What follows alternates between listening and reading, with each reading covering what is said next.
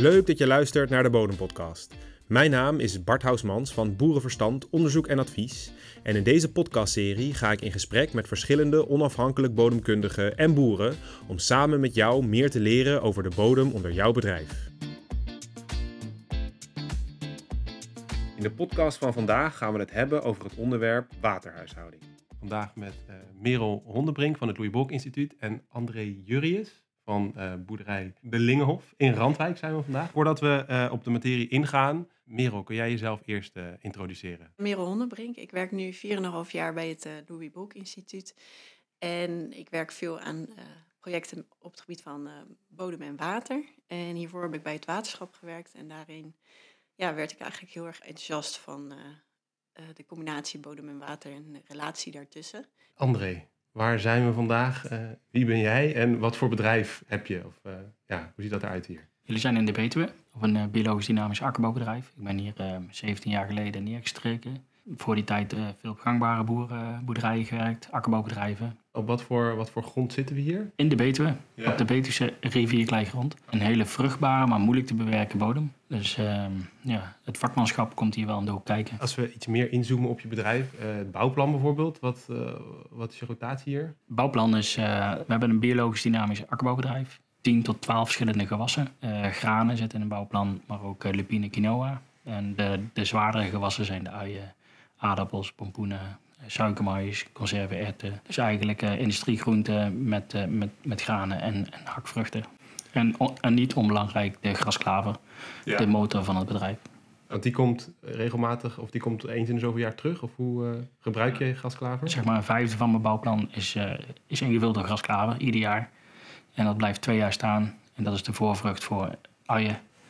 En uh, dat is echt de motor van het hele bedrijf. Merel, zou je ons wat kunnen vertellen uh, over waar je eigenlijk aan, aan moet denken bij waterhuishouding in relatie tot bodem? Water is echt een, een heel breed uh, thema eigenlijk. Dus waar we het vandaag meer over gaan hebben is waterkwantiteit. Dus waterhuishouding dan echte waterkwaliteit. Water is uh, heel belangrijk voor het leven natuurlijk. Voor planten werkt dat zo dat ze door water ja, nutriënten stromen op gang komen. Van de wortels naar uh, het bladgroen. Dus dat is een belangrijke rol uh, binnen de plant. En daarnaast is het bij verdamping zorgt het ook nog eens voor verkoeling van de plant. Dat is heel erg ingezoomd op de plant, maar als je kijkt naar de bodem, zit water in poriën in de bodem. De bodem bestaat uit heel veel verschillende elementen, zoals al in de podcast elke keer naar voren komt. En de structuur is daarin dus belangrijk. En dat zijn dus die poriën waar of lucht of water in zit het, is een balans bij gewasgroei van hoeveel water je nodig hebt op welk moment. Dus um, grondbewerking wil je doen als de bodem niet te nat is en uh, genoeg draagkracht heeft. Dat geldt dus ook voor oogsten en voor bemesting, dat soort dingen. Maar je moet ook juist voldoende water hebben om het gewas te laten groeien. Dus dat is een balans uh, gedurende het hele groeiseizoen. En in de winter wordt de waterbalans aangevuld, terwijl in de zomer ja, de het water um, verdampt. Dat is door klimaatverandering. Is die balans ook aan het verschuiven eigenlijk. André, hoe, wat zijn jouw ervaringen hier? Het is natuurlijk, we hebben natuurlijk wat meer droogte, droge jaren gehad.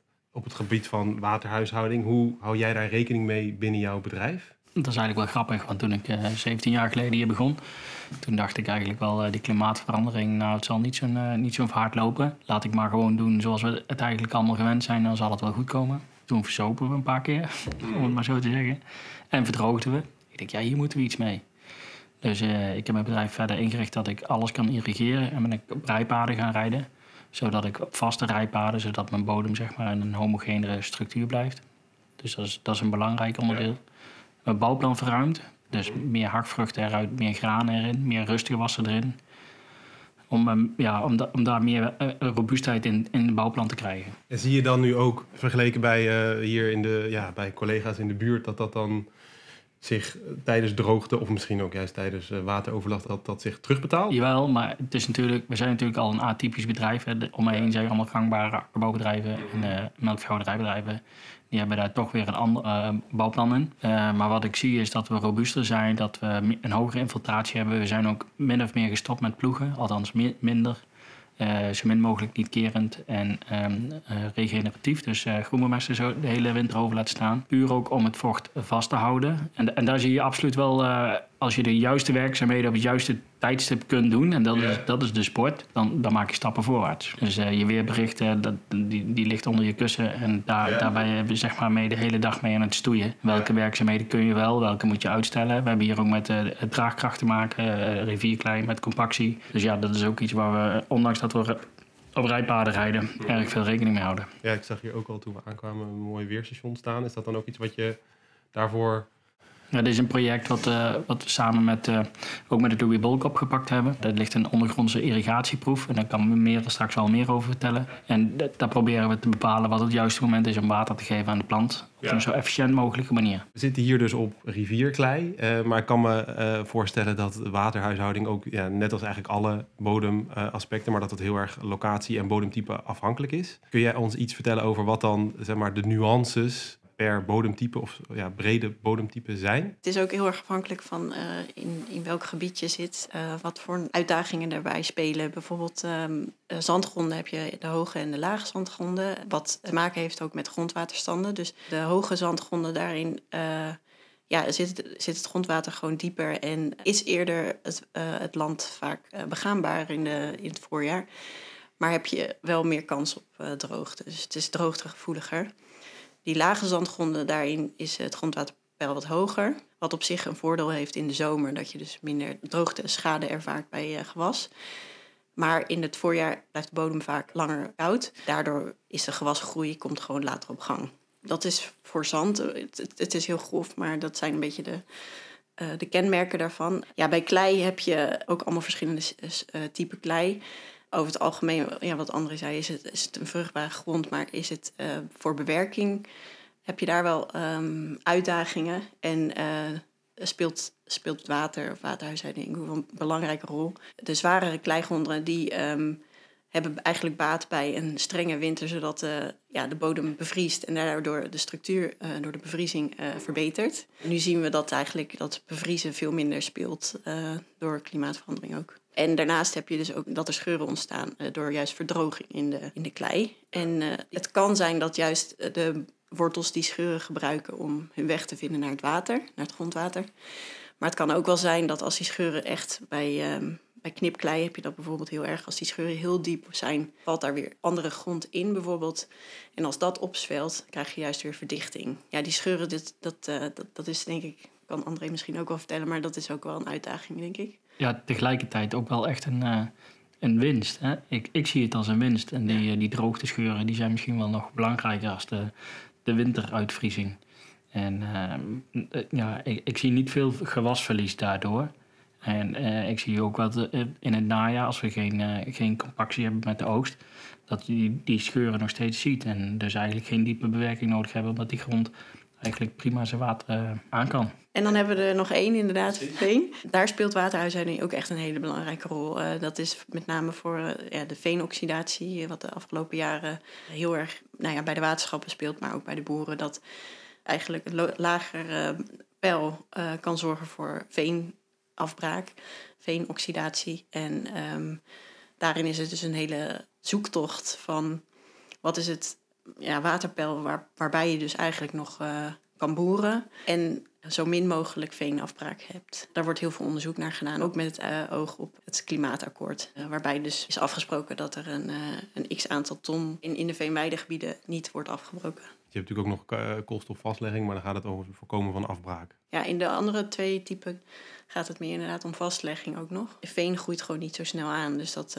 daar kan je naar mijn weten ook minder met organische stof aan de slag of opslag daarvan ja, er is daarnaast misschien ook nog, uh, want er luisteren akkerbouwers en uh, melkveehouders uh, naar deze podcast. Er is natuurlijk ook nog een verschil als je kijkt naar waterhuishouding per ja, welk gewas er staat. En dat zal ook binnen akkerbouw heb je natuurlijk ook weer allerlei verschillen tussen gewassen. Maar als je grofweg die twee tegen elkaar afzet, dus waterhuishouding bij grasland en waterhuishouding bij akkerbouw, wat zijn daar dan de belangrijkste verschillen in? Nou, bij grasland kan je grondwaterpeil iets hoger hebben dan bij akkerbouwgewassen. Wat nog wel een grote uitdaging is bij de kustregio's, waar ook wel veel akkerbouw zit, daar is ook wel veel verzilting. Dat is dus voor de akkerbouw, denk ik, een uitdaging de komende jaren. Als het meer gaat over de vraag van wat is nou een, een, een goede waterhuishouding, hoe kun je dat in de gaten houden of die waterhuishouding in orde is? Nou ja, je kan dat bovengronds uh, beoordelen en ondergronds. Het beste is natuurlijk allebei te doen. Bovengronds, bij graszoden kan je daar wel beter ook aan de vegetatie zien. Als het behoorlijk natte situatie is, dan komen er vaak pitrus of geknikte vossenstaart of kruipende boterbloem. Dat zijn echt indicatorsoorten voor dat het nat is. In de akkerbouw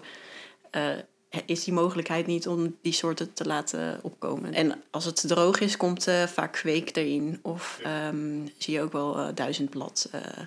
Dus dat zijn soorten waar je op zou kunnen letten. Daarnaast is plasvorming natuurlijk... dat speelt vooral bij de akkerbouw en bij de veehouderij...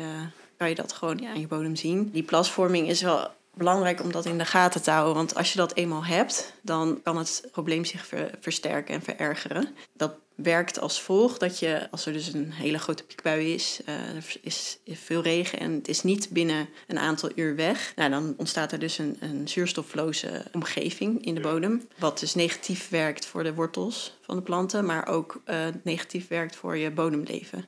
Dat wil zeggen dat uh, ook die poriën en die bodemstructuur verdwijnen en eigenlijk klinkt het in. Dus wat je krijgt is dat het ook een verlaging is in je perceel. Bij de volgende piekbui stroomt dat vol.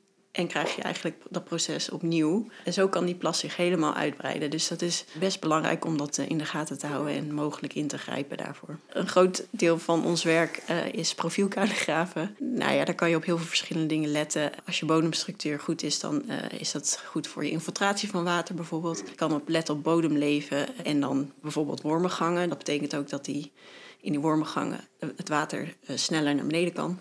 Maar ja, wat specifiek echt voor waterhuishouding is, dus dat je kan letten op blauwe plekken in de bodem. Wat wil zeggen dat dat ook een ja, anaerobe situatie is of zuurstofloos. Dat is niet gunstig voor je bodemleven, dus ook niet voor de beworteling van je planten.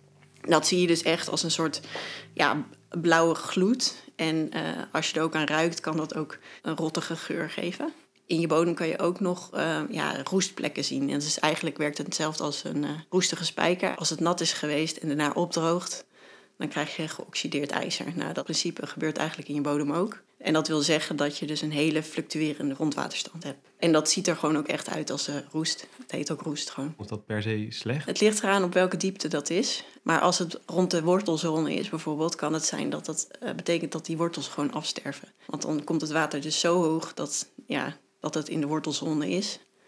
En dat wil je liever niet, dat die uh, wortels afsterven. Hoe hou jij een beetje zicht op hoe de waterhuishouding hier is? Of je zorgen ga, moet gaan maken of dat het allemaal nog oké okay is? Observeren, kuilen graven, naar je gewas kijken, gevoel met je bodem hebben op welk moment waar het water is. Dus uh, in het voorjaar, als je de eerste bewerkingen gaat doen, ga je toch wel even graven van nou, hoe, vet is die grond eigenlijk? Kan ik wel overheen rijden? Er zijn een paar van die, van die simpele handvaten voor als je de grond zeg maar, kunt kneden tot een, uh, een smeuïge kluit, dan uh, is, het, uh, is het nog tijd om er vanaf te blijven.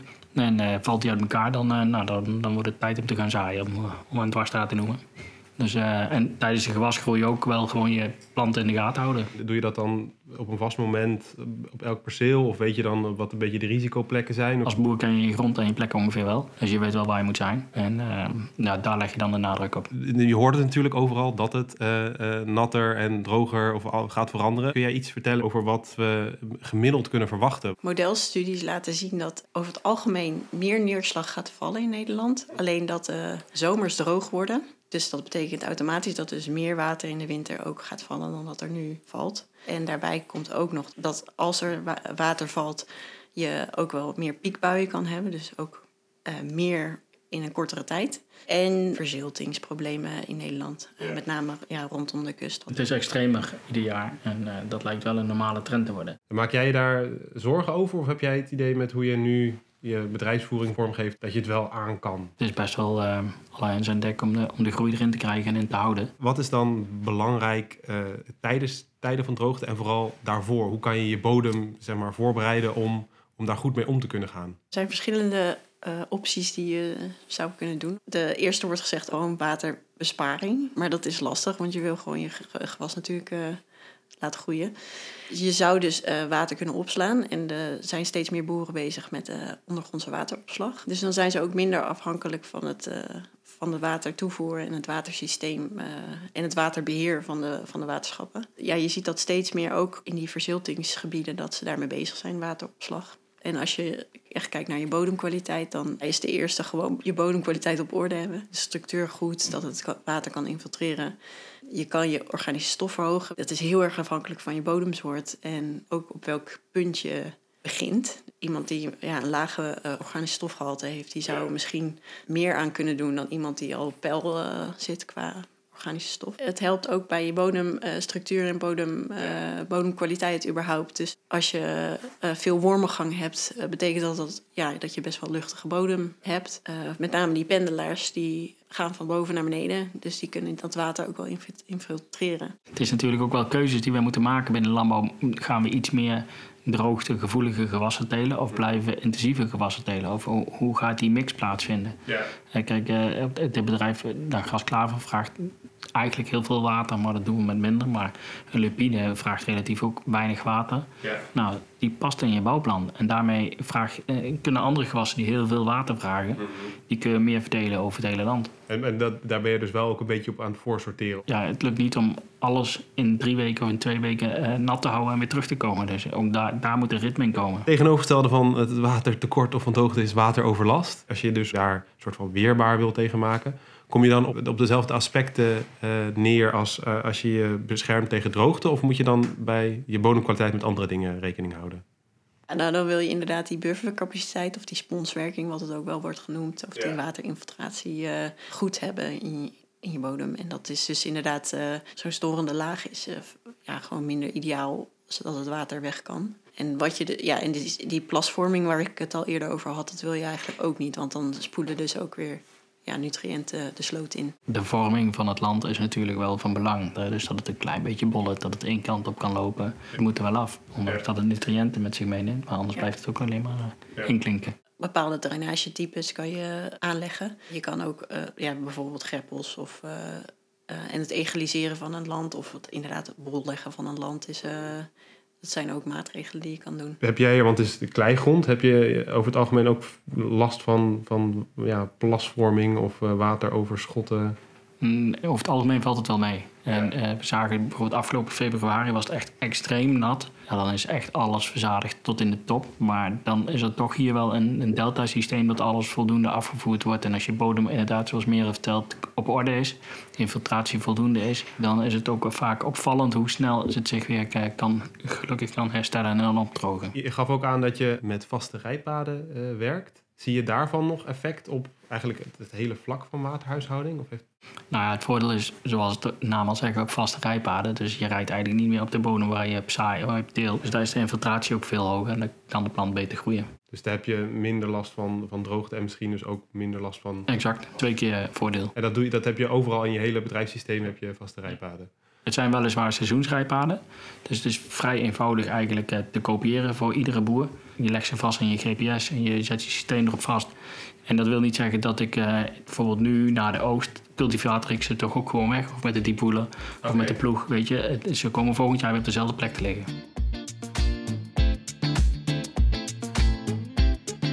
En hoe beoordeel je nou, want misschien is dat bij zand nog wat makkelijker of zo, maar de structuur van een kleibodem? Ja, eigenlijk doe je dat dus door nog een, een plakje eraf te snijden.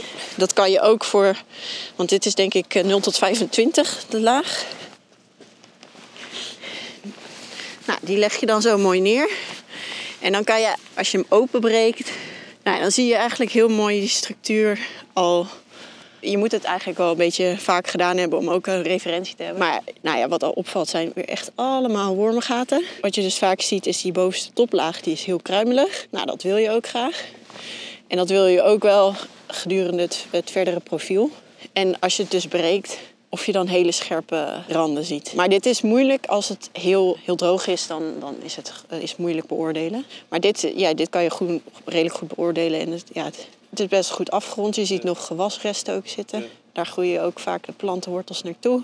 En je ziet veel uh, gaten en dus op het gebied van water is dat misschien ook uh, voor afwatering en zo. Het zit, ondanks dat, het misschien niet, dat je niet heel veel van die kruimels ziet, wat dieper profiel in, zie je wel dat het doorleefd is of zo. Het is echt iets van de lange adem, dat, je, dat, dat je heel duidelijk verschil gaat zien. Maar hier zie je dus wel de energie die die, die, die erin stopt terug.